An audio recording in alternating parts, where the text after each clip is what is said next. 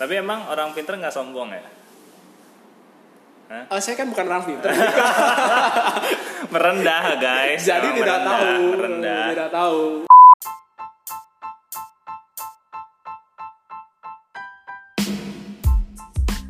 Oke, eh, sekarang kita ada di podcast eh Irfan Podcast. Sekarang gue kedatangan tamu undangan yang anak elektro juga. Di sini Kak, dia menurut gue orang yang pinter, makanya di elektro di Telkom ini makanya gue undang ke sini buat ngisi dan ngobrol sama gue.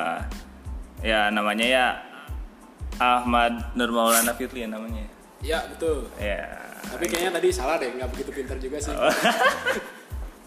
biasa-biasa aja lah Oh, ya tadi katanya ada remed.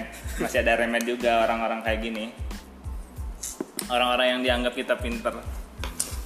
Gimana kabarnya sehat Ahmad? alhamdulillah sehat Gimana kuliah lancar?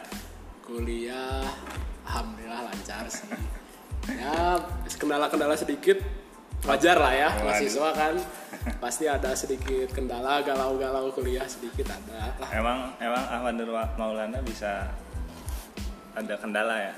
bisa dong pasti pasti bisa pasti bisa Eh, gimana ya kalau misalnya ngomongin soal kuliah pasti setiap orang punya titik di mana mungkin bosen ya mungkin kayak lagi kurang kurang bisa dibilang kurang mood kuliah pasti ada titik pasti ada titik seperti itu jadi nggak selamanya orang-orang kuliah itu yang kita lihat kayak lancar Ya kayak orang pinter banget nih anak pinter banget sih. Iya, anjing, lurus-lurus gitu. gitu kan.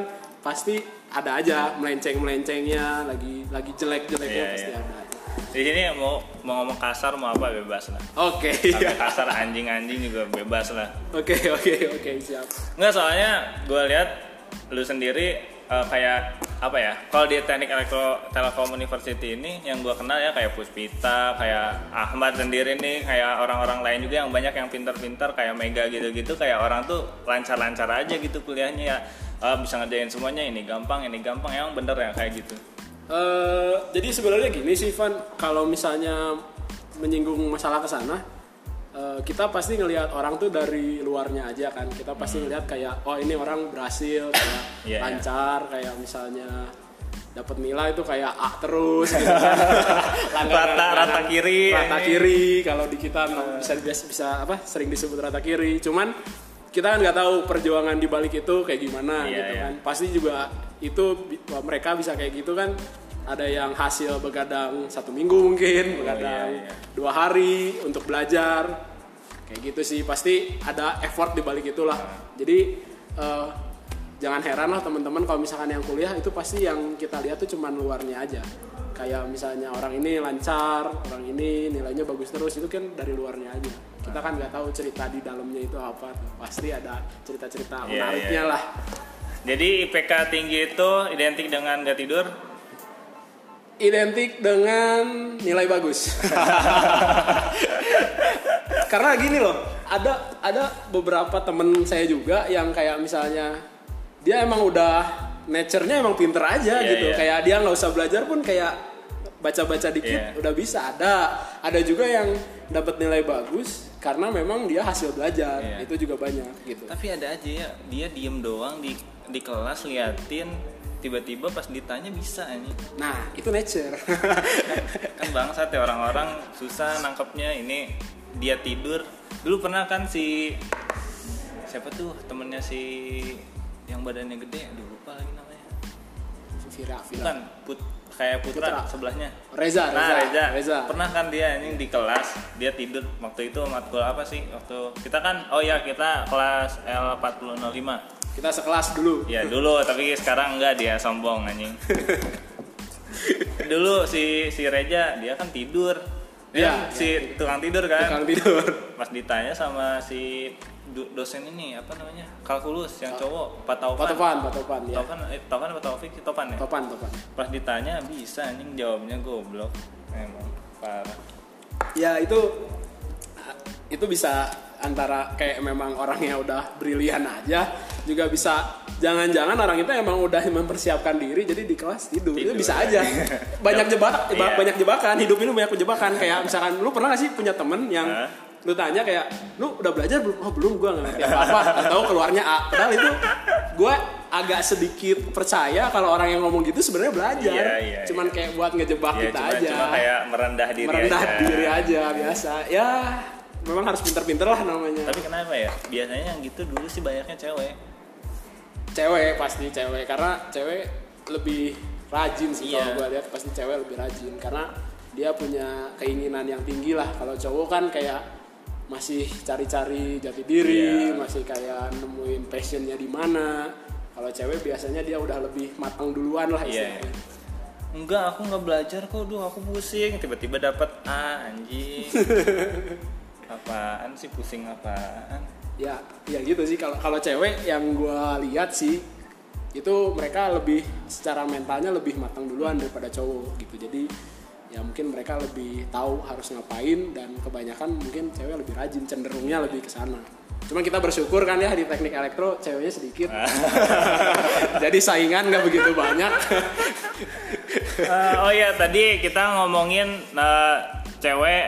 Tadi kita sebut cuma Puspita sama Mega tapi bukan karena dua ya bukan karena cuma dia berdua yang pinter ya cuma kita cuma pakai buat contoh doang. Ya kayak yang kita kenal. Iya yang kita kenal banyak yang kita Sebenarnya yang pinter banyak, Iya, teman-teman kita cuma kita kenal sebutin buat contoh doang gitu. Eh, Ahmad sekarang sibuk apa? sibuk kalau gua sibuk kuliah sibuk masih di lab juga sama lagi nyari-nyari balance ke sana sini lah sedikit-sedikit kalau ada untuk tambahan-tambahan jajan aja. Kok masih aktif di lab sih? Emang belum out, belum udah? Eh, kalau sekarang saya aktif di lab untuk tingkat akhir sih like, eh, lab sistem kendali dasar Eh, itu lab praktikum juga terus kalau misalnya kuliah ya biasa kuliah kalau misalkan freelance saya kadang ikut-ikut kayak komunitas robot gitu buat ada proyek-proyek kecil-kecilan Oh ada. Ada. Di mana tuh? Eh, di Antapani basisnya gitu. Itu anak-anak ITB atau anak-anak Eh sebenarnya saya kurang kurang begitu tahu sih ya dia- mereka dari mana tapi mostly banyak anak Telkom juga sih. Oh iya. Iya banyak anak Telkom juga yang kayak eh, apa namanya tuh kayak kita tuh bikin modul-modul tentang robot terus kita ada beberapa yang jadi pengajar untuk anak SD, SMP, SMA robotika ya robot-robot dasar gitulah. Ada bisa magang di situ. Eh mungkin bisa ya. Buat KP gitu atau apa? Kalau untuk KP, KP saya kurang tahu sih karena kayak lebih ke perusahaan yang kecil gitulah, bukan perusahaan yang besar gitu. Startup. Ya startup lah ya kalau sekarang kan lagi zamannya mungkin bisa dibilang startup. Berarti di lab udah nggak aktif? Di lab masih di kendali itu, sistem kendali dasar. Eh, praktikumnya mungkin semester depan. Oh, masih Praktikum praktikum. sistem kendali digital. Oh, untuk iya iya iya anak-anak iya, iya, tingkat iya. tingkat 3 ya. Yang untuk semester 6 Emang seru ya jadi anak lab? Jadi asisten seru? Sebenarnya antara seru gak seru sih, cuman kalau saya sih pribadi emang seneng aja ngasih apa ngajarin orang, kayak ngasih ngasih ilmu lah, nularin Iya, iya. ilmu yang udah pernah didapat, yang kita tahu, ya kita kan sebagian tahu, kita kasih sharing ke orang, saya termasuk orang yang seneng gitu. Oh jadi senang share ilmu-ilmu. Share ilmu, ya intinya di situ sih sebenarnya nggak bukan buat apa-apa, cuman buat share ilmu aja sama nyari kegiatan aja. Nggak nyari duit. nyari duit kayaknya kalau di lab kurang sih ini kalau ada pihak kampus mendengar tolong ya Emang di lab tuh satu ibaratnya satu semester kira-kira dapat uang berapa? Kalau di teknik elektro di lab di lab. teknik elektro sebenarnya sih kita tuh kalau misalnya di lab itu di di Ini kalau boleh tahu ya, kalau di- nggak boleh. oh boleh boleh di upahnya itu per kita jaga praktikum gitu jadi tergantung teman-teman misalkan makin rajin jaga praktikum ya pasti makin banyak gitu aja gitu aja sih pasti makin banyak cuman ya nominalnya mungkin cukup kalau untuk satu semester full mungkin cukup untuk beli sepatu baru aja lah mungkin ya. Nggak cukup buat bayar semesteran sih enggak Dasar 7,650 Kuliah mahal Anda ngulang Ya Kenapa ya kuliah? Kuliah susah nggak sih sebenarnya kuliah? Kuliah kalau dari pandangan gua sendiri sih Gini lah di elektro lah Kuliah Di elektro. Heeh. pandangan gue sendiri sih sebenarnya kalau memang kita passion itu nggak begitu susah cuman karena yang kita beberapa dari kita kan masih kayak setengah-setengah masih kayak cari-cari sebenarnya beneran suka nggak sih gitu atau apalah gitu nah itu yang jadi kendala biasanya di situ gitu. karena kita nggak bisa bergantung sama dosen dosen-dosen di sini lebih ke kayak ngelepas gitu aja Iya, iya. kayak kalau memang kita nggak passion kita nggak cari sendiri ya Tapi kayaknya hampir semua dosen kayak gitu sih. ya pas eh, apa beberapa apa namanya hampir semua dosen yang ada di prodi kita memang cenderungnya seperti itu gitu jadi kalau kita nggak passion ya agak susah juga sih Soalnya pada akhirnya kita juga yang harus belajar sendiri ya. Nggak Iya. bisa kita terus ngikutin apa yang dosen kasih doang. ya. Iya, dan tipsnya belajar bareng sih biasanya. Belajar bareng sama teman-teman yang emang lebih ahli, lebih lebih ngerti duluan lah daripada kita ya, bukan lebih ahli, sorry. Lebih ngerti duluan. Nah, itu mungkin bisa membantu untuk survive di jurusan kita. Jadi lebih ke menaikkan standar kita sendiri kalau kita emang merasa kurang gitu. Iya, eh, kalau misalnya kita ya kita harus sadar diri aja kalau misalnya kita merasa kurang ya kita cari-cari nih kira-kira eh, siapa yang bisa bantu kita untuk naikin value kita Eh, teman-teman yang mana gitu. Nah kita cari teman yang bisa istilahnya sharing ilmu juga, sharing obrolan juga karena kalau menurut pandangan saya sih kuliah itu nggak melulu soal ilmu ada pelajaran-pelajaran hidup yang bisa kita dapat dari kuliah yang justru lebih berharga dari sekedar ilmu IPK gitu kalau menurut gua nih Hmm. Tapi emang orang pinter nggak sombong ya? Hah? Eh, saya kan bukan orang pinter Merendah guys. jadi Emang tidak merendah, tahu Rendah. tidak tahu Enggak, soalnya nih banyak banyak anggapan ya anggapan orang-orang. Kalau orang pinter tuh nggak mau diganggu, susah diganggu. Kalau minta dimintain tolong tuh kayak ya cuma dikasih setengah-setengah doang atau enggak bener-bener nggak dikasih gitu. Emang bener kayak gitu apa gimana? Menurut kalau menurut pandangan gua sih kalau orang yang kayak gitu itu berarti masih pinternya masih setengah lah. Kalau misalkan dia udah bener-bener pinter pasti dia mau share ilmunya buat ke orang banyak. Karena percuma juga ilmu di di keep sendiri gitu. Itu kayak ngapain juga? Karena nanti seiring berjalannya waktu nih bisa aja kita misalkan sekarang kita pinter lima tahun kemudian ternyata orang yang kita anggap kurang dari kita dia lebih pintar lagi dari kita gitu jadi kita kayak buat apa sih ngekip ilmu itu tuh buat apa gitu mending di sharing aja siapa tahu kita dapat ilmu-ilmu baru nilai-nilai baru informasi-informasi baru gitu sih Tapi kadang orang tuh kalau udah lebih dari kita, dulunya lebih bawah dari kita, sekarang lebih tinggi dari kita, biasanya dia kacang lupa kulitnya gimana? Apa orang-orang bakal ikhlas? Ibaratnya kayak lu dulu belajar sama gua, sekarang lu udah lebih tinggi dari gua, lu ngelupain gua gitu. eh sebenarnya itu balik ke pribadinya masing-masing ya Van Eh, tapi kalau gue sebenarnya pernah ngalamin tuh yang kayak gitu Nah lo, siapa tuh ada? boleh boleh cerita nih boleh, cerita boleh sedikit ya cerita cerita. Dulu waktu gua tingkat satu gua pernah tuh. Ah. Kalau nggak salah mata kuliah apa ya kalkulus. Dulu ada beberapa mahasiswa eh beberapa teman minta ajarin kalkulus. Gua ajarin kan. Mm-hmm. Taunya waktu ujian mereka dapat nilai itu 100 kalau 190 lah. Ah. Gua cuma dapat 70 atau 80. Ah. Intinya nilai mereka lebih besar dari nilai gua gitu. Ah. Cuman kalau misalnya eh, dari gua sendiri pribadi kayak seneng aja Eh, karena udah ngebagi ilmunya ternyata yang kita bagi lebih bermanfaat buat Iya, orang lain, orang lain. gitu dan karena eh, sebenarnya balik ke individu masing-masing tapi kalau dari gua gua nggak memandang nilai itu sebagai segalanya gitu. Hmm. jadi kayak ya udah 80 ya it's okay. Yang penting kan kita masih apa ya, istilahnya kita ngerti kita bisa ya udah tinggal kita pakai aja. Kayak nggak perlu pembuktian bahwa harus 80 harus 90 harus 100 itu kan cuman angka aja lah gitu dari gua gitu sih.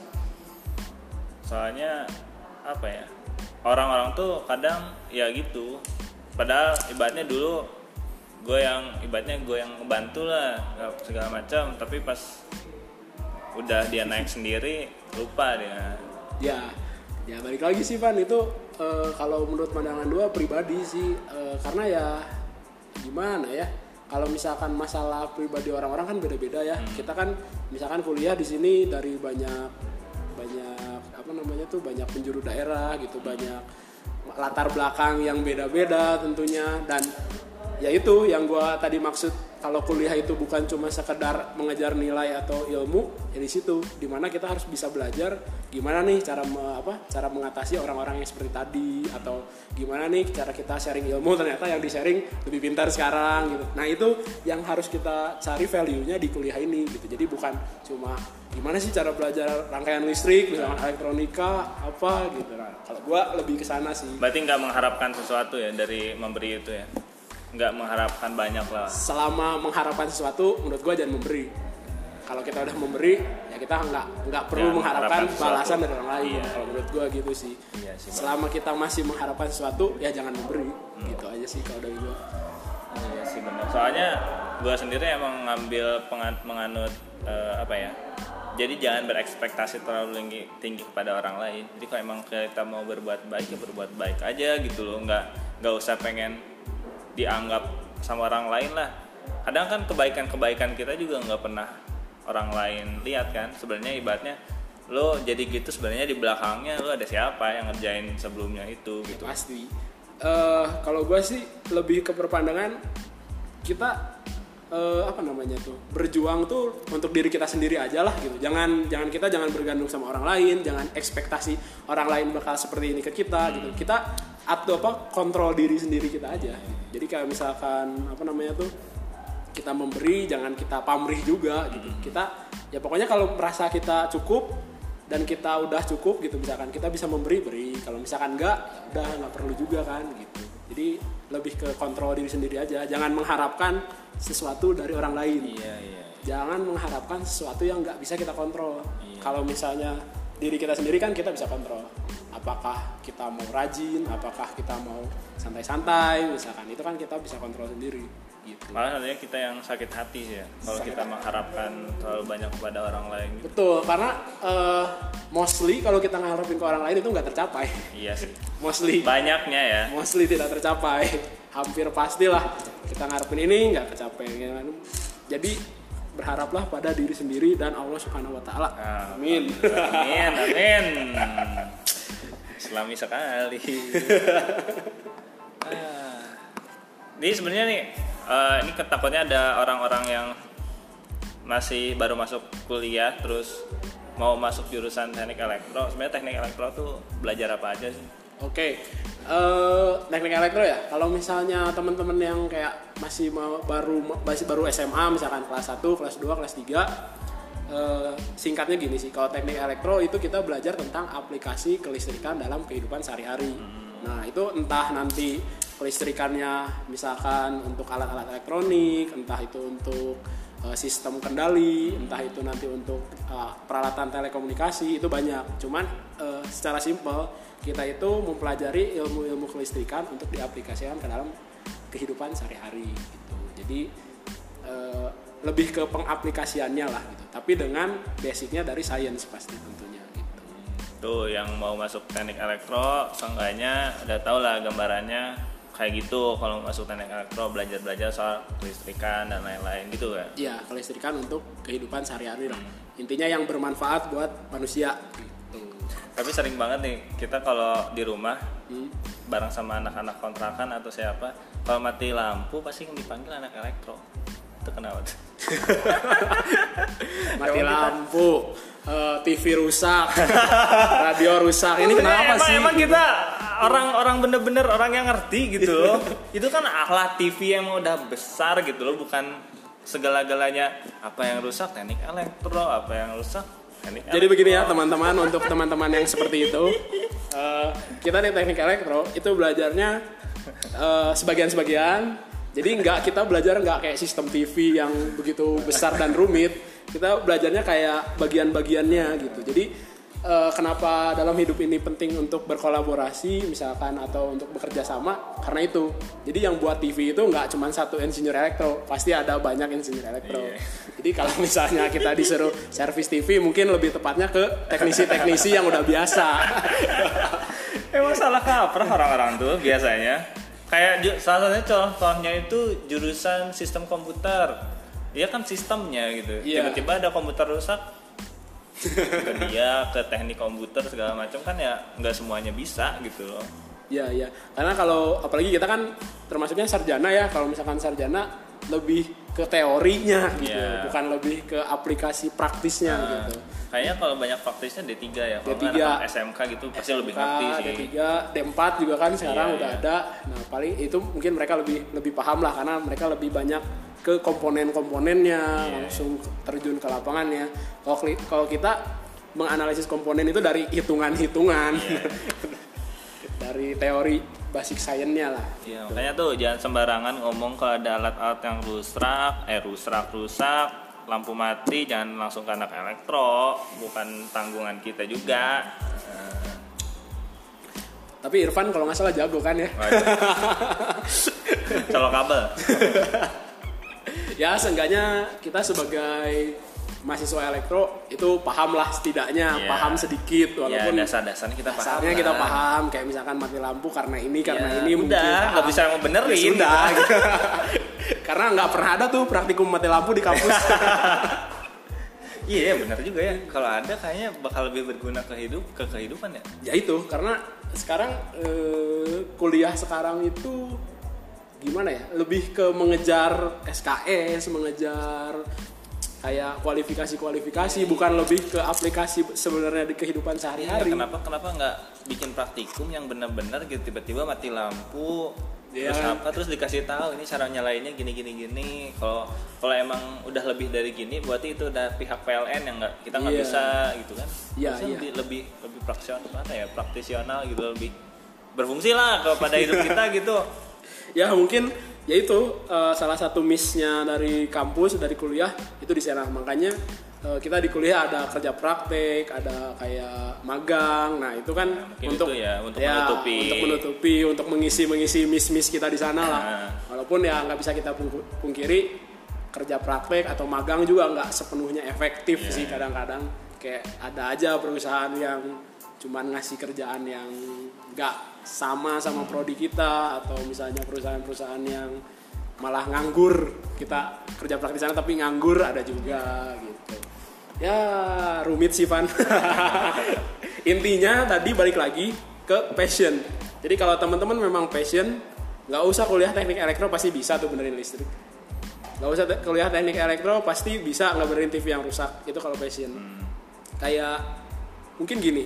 Misalkan teman-teman punya HP yang rusak nih Irfan misalkan punya HP rusak kita nggak bisa tuh benerinnya kita bawa kalau di Bandung ke BC misalkan Iya. atau ke Jaya Plaza Nah. itu yakin deh tukang-tukangnya itu nggak semuanya sarjana elektro atau pernah kuliah elektro tapi mereka bisa ya iya, iya sih karena sehari-hari mereka seperti itu dan mungkin mereka passion dan kebutuhannya di sana Iya. Kita yang sehari-hari belajar rangkaian listrik elektronika bla bla bla bla bla bla yang gitu tetap Pas- aja nggak bisa tetap kan aja karena kita nggak tahu titik masalahnya apa Iya.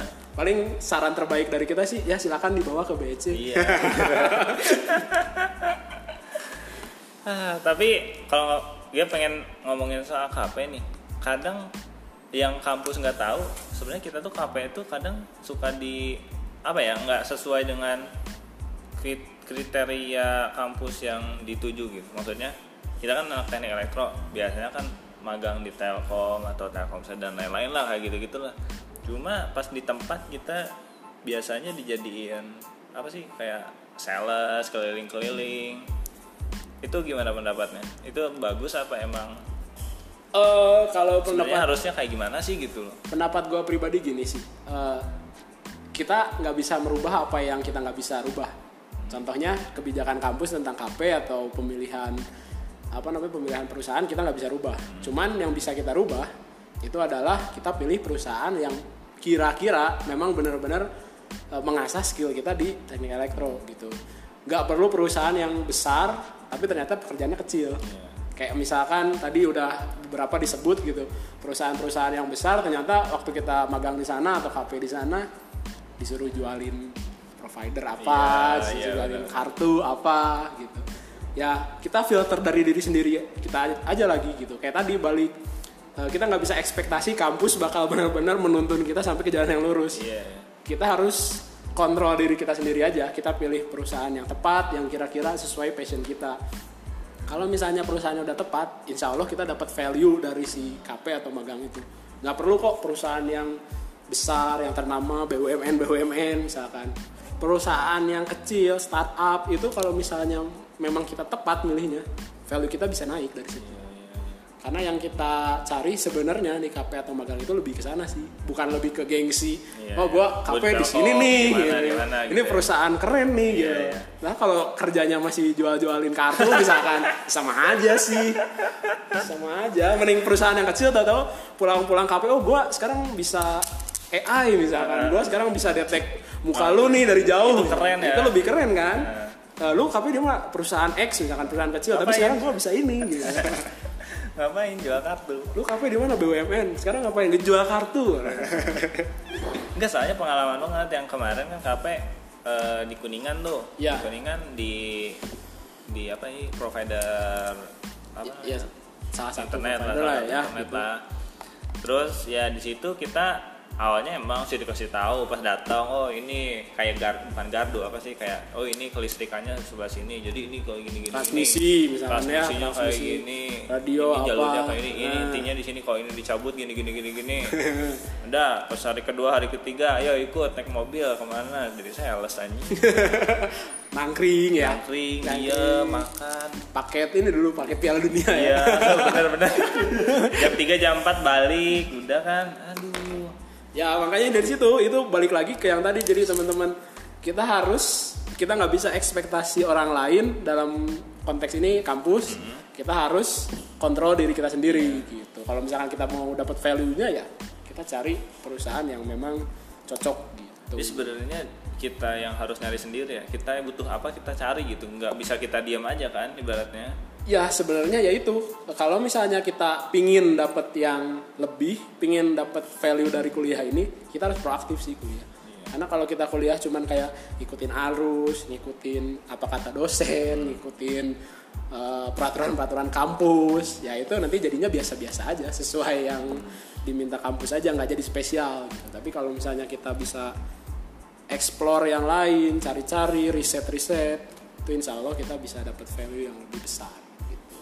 Soalnya itu ngaruh ke pengalaman kita juga ya. Pengalaman, karena eh, sedikit info aja nih, eh, kalau misalnya nanti kita lulus untuk kerja, itu yang lebih ditanya itu kayak pernah magang di mana misalkan atau pernah internship di mana, pernah free, freelance di mana, skill yang didapatkan apa. Yang dulu dikerjain apa? Kalau kita pernah magang di perusahaan besar, ternyata skill yang didapatkan Ya itu. itu kan gimana gitu. Jadi ya pinter-pinter teman-teman aja untuk nyari perusahaan KP magang buat teman-teman yang mungkin di semester berapa sekarang semester 6 atau semester 5 yang lagi cari-cari KP atau magang gitu.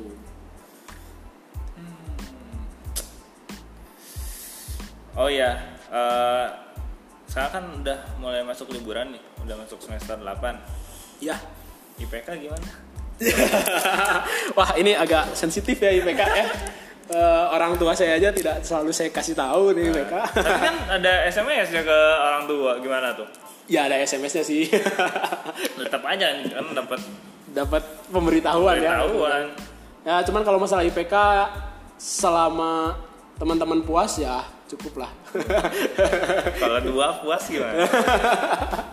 ya kalau kalau misalkan ya gini, kalau misalkan teman-teman dapat IPK misalkan dua nih, terus puas ya udah nggak apa-apa. Ya.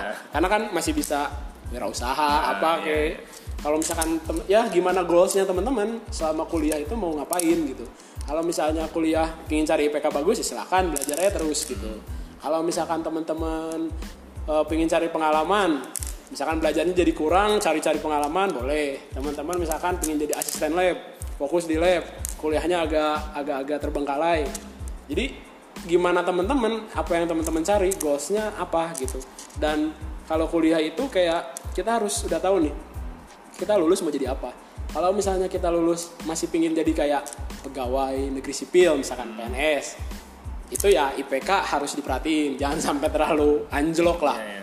Minimal di atas tiga gitu. Tapi kalau misalkan teman-teman, ah saya kuliah cuman pingin apa namanya untuk dapat ijazah, terus nanti saya mau wirausaha dari link yang udah saya buat di kuliahan, misalkan dari pengalaman yang udah di kuliahan, nggak perlu tiga juga bisa. Kalau misalkan mau wirausaha, mau ke mana, mau ke mana. Beda lagi kalau misalkan teman-teman, saya habis kuliah pingin jadi dosen misalkan. pingin jadi akademisi lah istilahnya pingin langsung lanjut S2 ya mungkin 3,25 atau 3,5 ke atas itu Harus. penting Ya. untuk orang-orang kayak gitu. Jadi kembali lagi tadi goalsnya apa? Kalau misalkan goalsnya pingin jadi misalkan tadi akademisi berarti 3,5 misalkan. Kalau misalkan mau jadi pegawai negeri sipil biasa mungkin 3 atau pegawai-pegawai BUMN mungkin 325 tapi kalau mau wirausaha ya bebas. Yang penting lulus. Dan linknya jangan lupa kalau mau wirausaha dan apalah gitu. Emang nggak tertarik ke usaha? Apa emang udah ada tujuan mau kerja gitu? Kalau dari saya sendiri sebenarnya walaupun tadi sudah ngomong tujuan-tujuan sebenarnya masih bingung.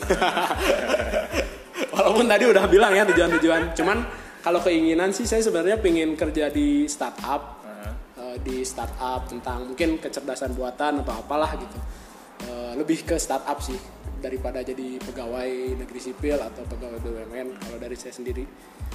Eh, mungkin dari startup itu kita belajar dulu mungkin nanti bisa jadi wirausaha ya doakan saja gitu Ah IPK IPK soalnya orang-orang juga kadang banyak yang nggak mikirin sih sebenarnya ke IPK. ya Kadang orang juga gini loh.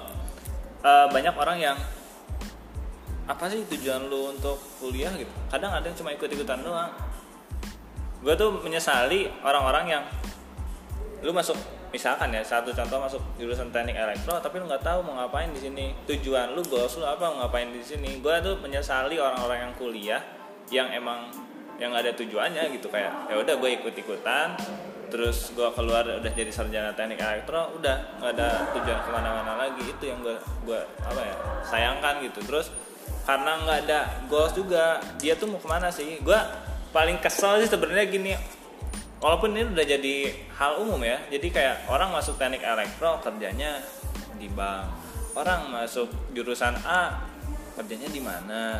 Nah gue tuh yang sering menyesal tuh kayak gitu kenapa lu masuk jurusan elektro gitu kalau gitu? Kenapa nggak lu masuk jurusan manajemen aja? Masuk ke bank misalkan atau ke mana gitu. Nggak sesuai jalur gitu loh man kenapa sih nggak nggak lu kuliah jurusan elek- elektro teknik elektro tapi kerjanya yang elektro elektro lah terus lu ngapain kemarin belajar 4 tahun sampai butek kayak gitu terus nggak dipakai gitu loh. Tuh, jadi harusnya gimana nih sebenarnya nih? Emang itu apa hal yang wajar atau emang harus sesuai jurusan atau ya mendingnya kayak gimana lah gitu? Eh, kalau gue pertama mandang eh, kuliah ini kayak misalnya tahap pelatihan lah.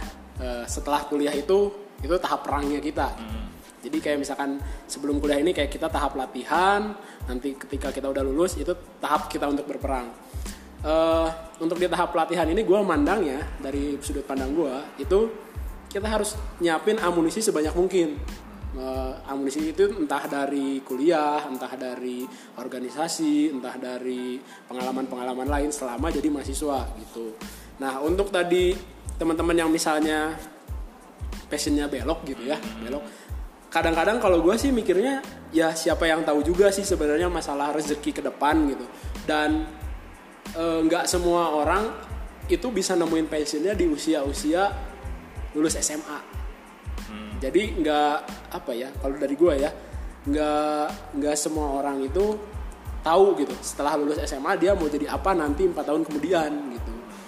Bahkan gue pernah nanya nih sama salah satu pegawai juga yang dia udah kayak 20 tahun kerja di bagian di bidang elektro atau telekomunikasi. Sebenarnya dia juga nggak tahu kalau dia tuh benar-benar suka sama itu gitu.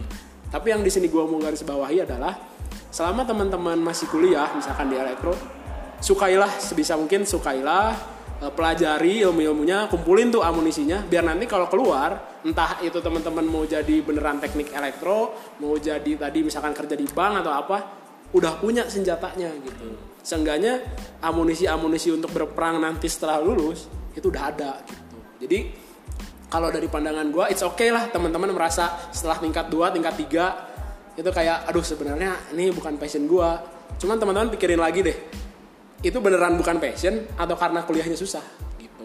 Karena kadang- kadang-kadang kebanyakan gini loh ah gue dapet C nih mata kuliah ngoding misalkan. Gue nggak akan suka ngoding gitu. Padahal itu bukan karena teman-teman nggak passion atau apa itu karena pengaruh nilai tadi aja gitu. Jadi kalau dari gue itu kumpulin aja amunisinya Ah, nggak usah nggak usah hiraukan misalkan nanti harus jadi teknik elektro atau nilainya kecil atau gimana. Kumpulin aja dulu semua serap sebisanya.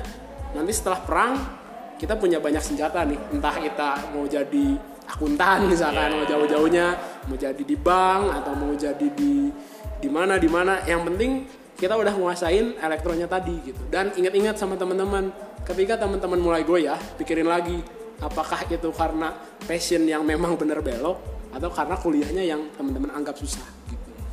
Karena kalau misalkan karena kuliahnya coba deh belajar lagi. Kalau teman-teman udah sampai tahap berhasil itu pasti seneng sih. Iya. karena kebanyakan Iya gitu Van. Iya, iya. kebanyakan teman-teman gua juga ngerasa kayak salah jurusan. Itu bukan karena dia nggak passion tapi karena memang kuliahnya susah dan kuliah itu memang pasti dari ta- tadi balik lagi ke tadi di awal pasti ada tahap-tahap di mana teman-teman tuh lagi di bawah banget entah itu masalah nilai entah itu masalah mental hubungan dengan dosen teman atau teman terdekat pacar siapa gitu Nah, coba dipikir lagi, jangan langsung buru-buru kayak ah ini nggak passion gua. gue sebenarnya dulu nggak mau masuk elektro, jadi jadi kayak manjang gitu. Iya, iya. Padahal inti awalnya cuman karena nggak lulus di satu mata kuliah atau nggak ini, ya harus kuat lah intinya mah gitu. Baik lagi ke tadi gitu. Jadi jangan terlalu terburu-buru kalau ini bukan passion, ini bukan apa, dan jangan khawatir juga kalau udah lulus selama udah dapet ilmunya jadi apa aja insya Allah kalau halal sih berkah. Kalau dari pandangan gua ya jadi nggak melulu lah. Misalnya elektro mau jadi apa aja terserah. Cuman yang penting ilmu elektronya serap dulu waktu kuliah dan pikir-pikir lagi Oh, biar, biar berarti itu jadi apa ya? Mental block ya. mental block Jadi pas kita udah nemu, aduh susah, udah Iya. sononya tambah susah. Gitu. Iya, karena kebanyakan zaman sekarang tuh kita ya bukan meremehkan atau apa ya, banyak orang-orang yang kayak gampang menyerah gitu. Kayak misalkan mata kuliah ini dia nggak lulus atau dia dua kali ngulang terus tiba-tiba ah gua ini nggak passion padahal emang kayak dia usahanya kurang dikit lagi aja sekiranya so- soalnya dulu dulu gue pernah ngalamin. Dulu gue pernah dapat nilai jelek itu di mata kuliah tentang coding. Apa tuh dapat apa tuh? eh, algoritma itu dapat C kalau nggak salah atau dapat BC ya lupa gua. Pokoknya dapat jelek. Dari situ min- mindset gua kayak ah gua nggak suka nih ngoding. Pokoknya gua lulus nggak mau tentang ngoding ngoding pokoknya selama di elektro ada ngoding ngoding gua nggak mau gitu. Intinya gitu.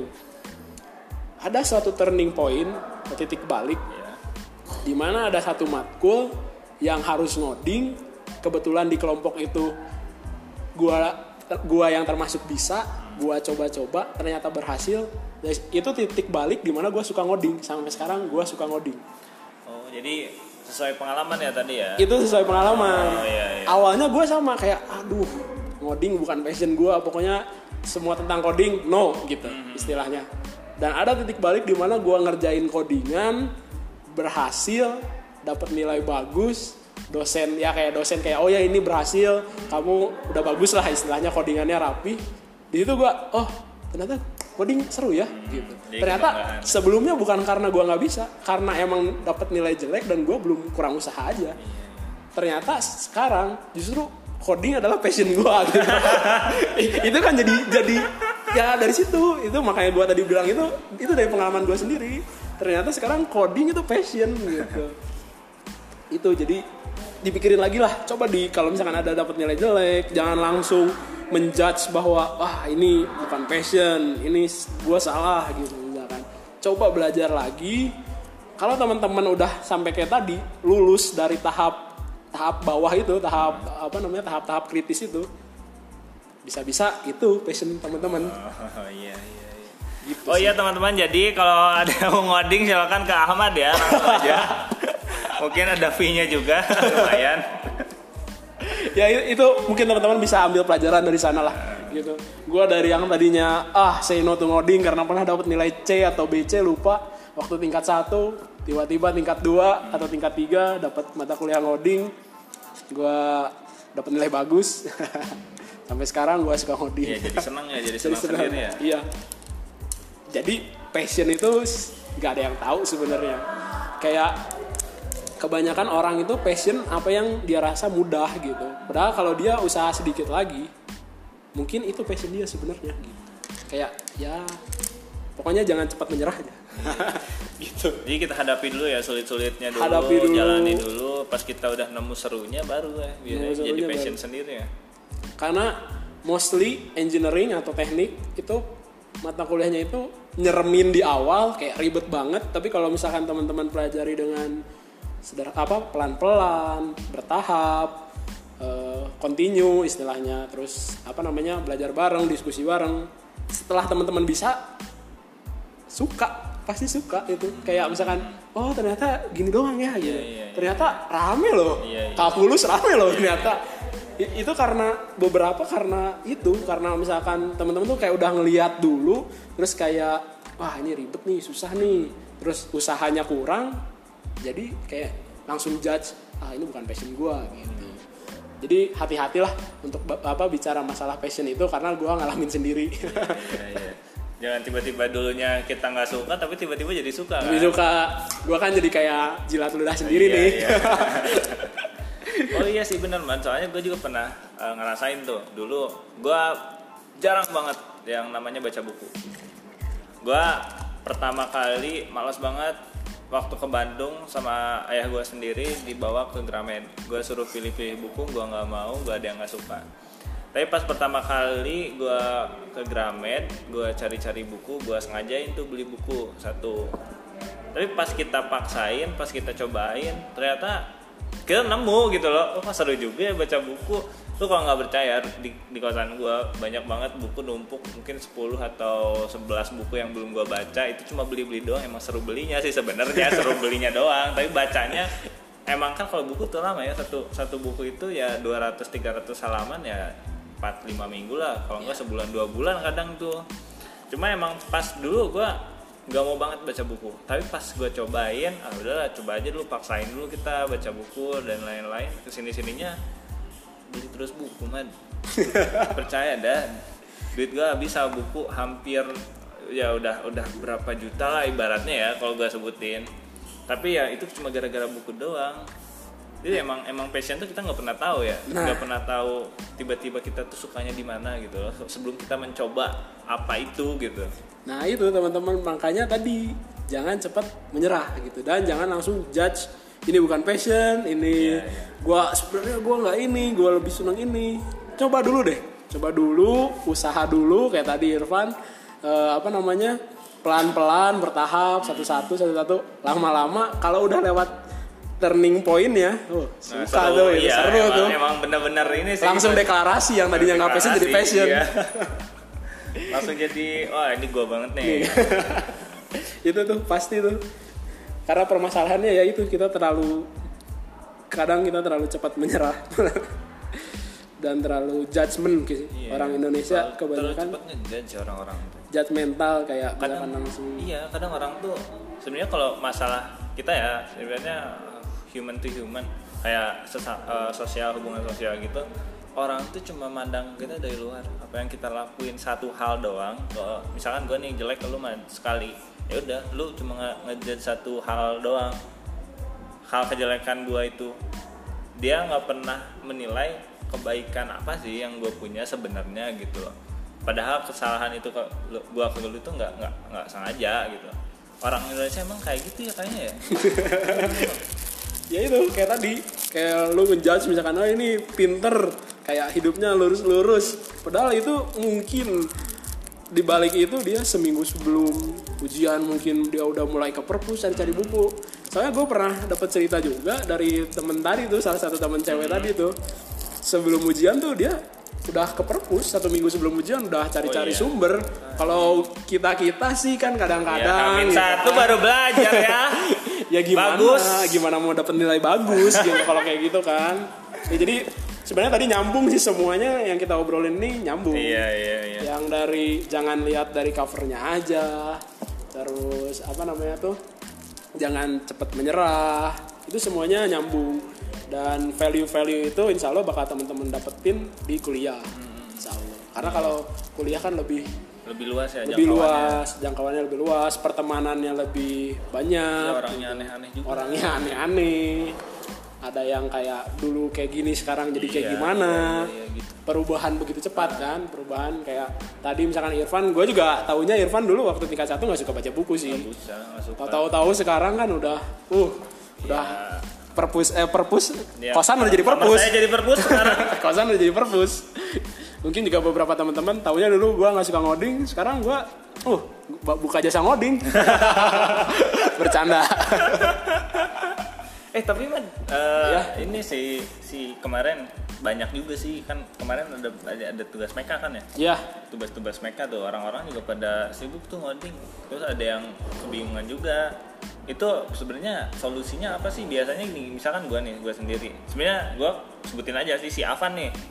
Teman gua teman kosan gua teman anak elektro juga sekelas kan ya gue kenal kenal Iya kemarin dia eh, sibuk ngoding tapi dia nggak tahu sebenarnya kayak masalah apa sih di codingan tuh apa codingan yang salah apa alatnya yang salah gitu. Jadi sebenarnya kalau udah mentok gitu sebenarnya nyarinya ke mana sih harus nanyain ke orang kan harus sharing sama orang yang udah bikin yang kayak gitu juga kan. Soalnya dia bikin sama sih line follower juga semacam line follower gitu kalau gue lihat sih kemarin. oke eh, pertama Soalnya tar dulu, soalnya kalau ngoding bentar ya bentar dikit lagi. Soalnya kalau ngoding kan ada mentoknya juga gitu loh. Mm-mm. Ini tuh sebenarnya salah di coding apa salah di alat sih gitu kan? iya iya iya iya iya. Nah, coba man, gimana man? Eh, pertama sebelum ke sana mostly pelajaran engineering itu memang bikin kita frustasi. Makanya kalau teman-teman kuliah sebenarnya mungkin nggak engineering aja cuman gue taunya engineering. Eh, kalau teman-teman kuliah atau lagi kesusahan itu tetap terus berusaha aja karena kadang-kadang yang kelihatannya rumit kalau kita pelajari pelan-pelan itu sederhana. Pertama itu.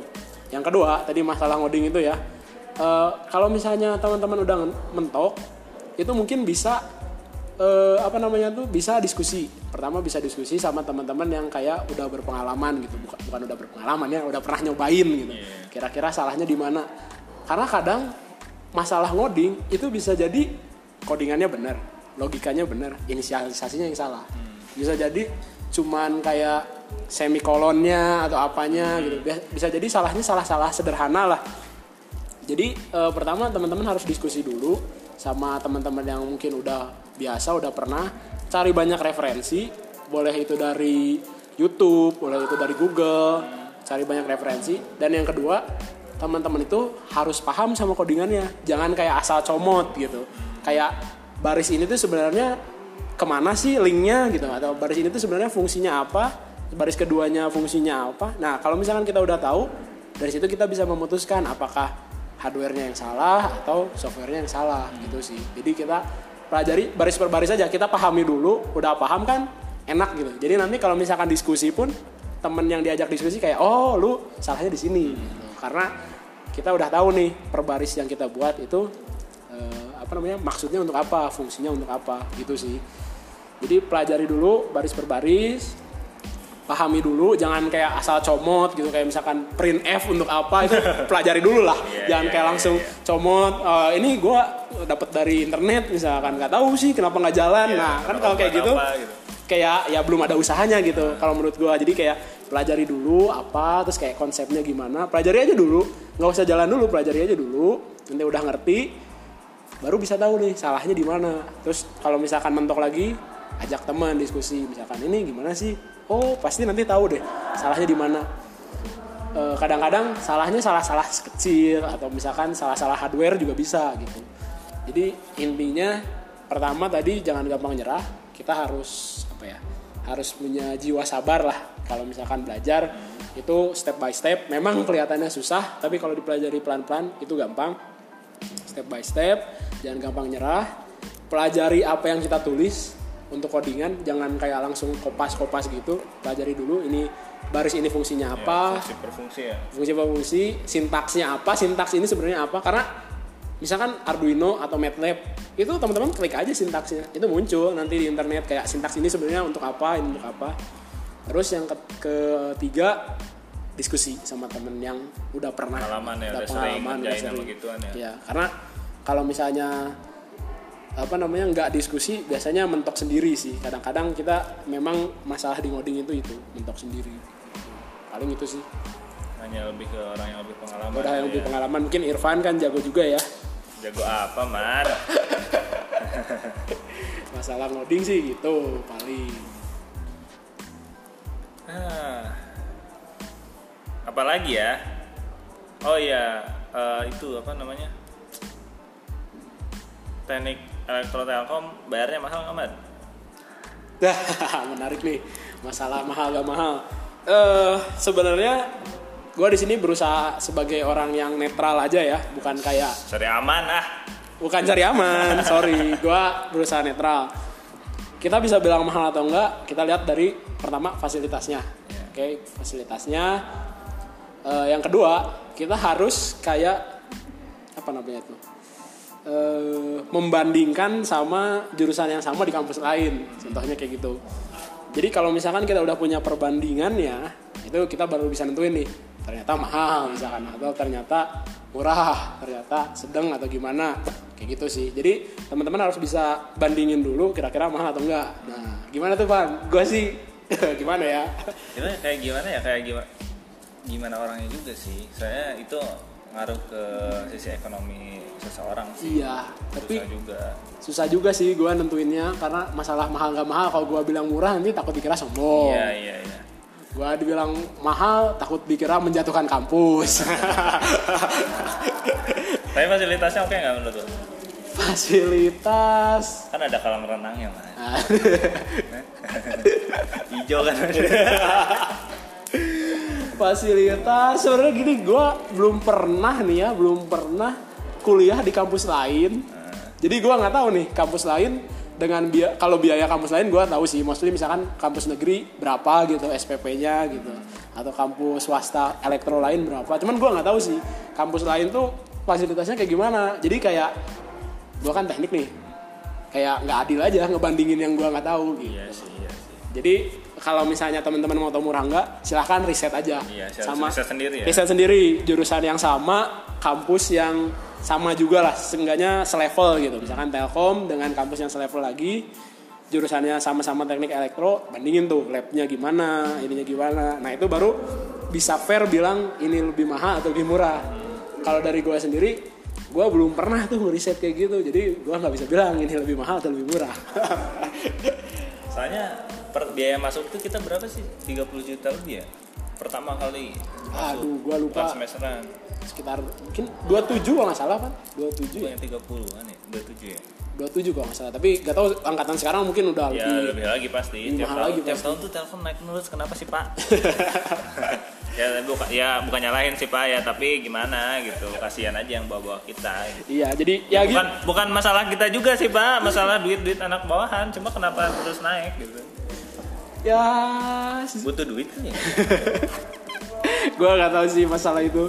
Cuman ya itu tadi harus kita harus punya perbandingan lah biar fair gitu. Kayak misalkan kampus ini ternyata eh, harganya 20 juta Telkom cuma 7 juta. Kan bisa dibilang kita murah gitu. Bisa dibilang. Jadi ya teman-teman bandingin aja. Kalau mau tahu itu murah atau enggak. Tapi yang pasti memang setiap tahun naik mungkin inflasi ya nggak tahu gua bukan anak ekonomi tapi anak internasional anak-anak depan juga ada yang bayarnya sampai 40 juta Kalau 60 juta. internasional, gue kasih tahu emang mahal. Iya, jangan masuk internasional telkom kan mahal yang biasa aja kita kita berteman baik aja kita banyak temennya kok daripada yang internasional gue kasih tahu memang kalau internasional tuh mahal. Cuman gue juga nggak tahu sih sebenarnya itu internasional mahal gitu dapat benefit apa? Gue kan nggak tahu Ya, juga. lebihnya apa sih sebenarnya tahu, gitu gue nggak tahu karena gue bukan anak internasional. Ya, mungkin kalau di teknik elektro ini ya, cuma ada cerita sih kayak katanya ada bisa studi banding ke luar negeri, ada apa segala Pertukaran macam, pelajar begitu ya. gitu.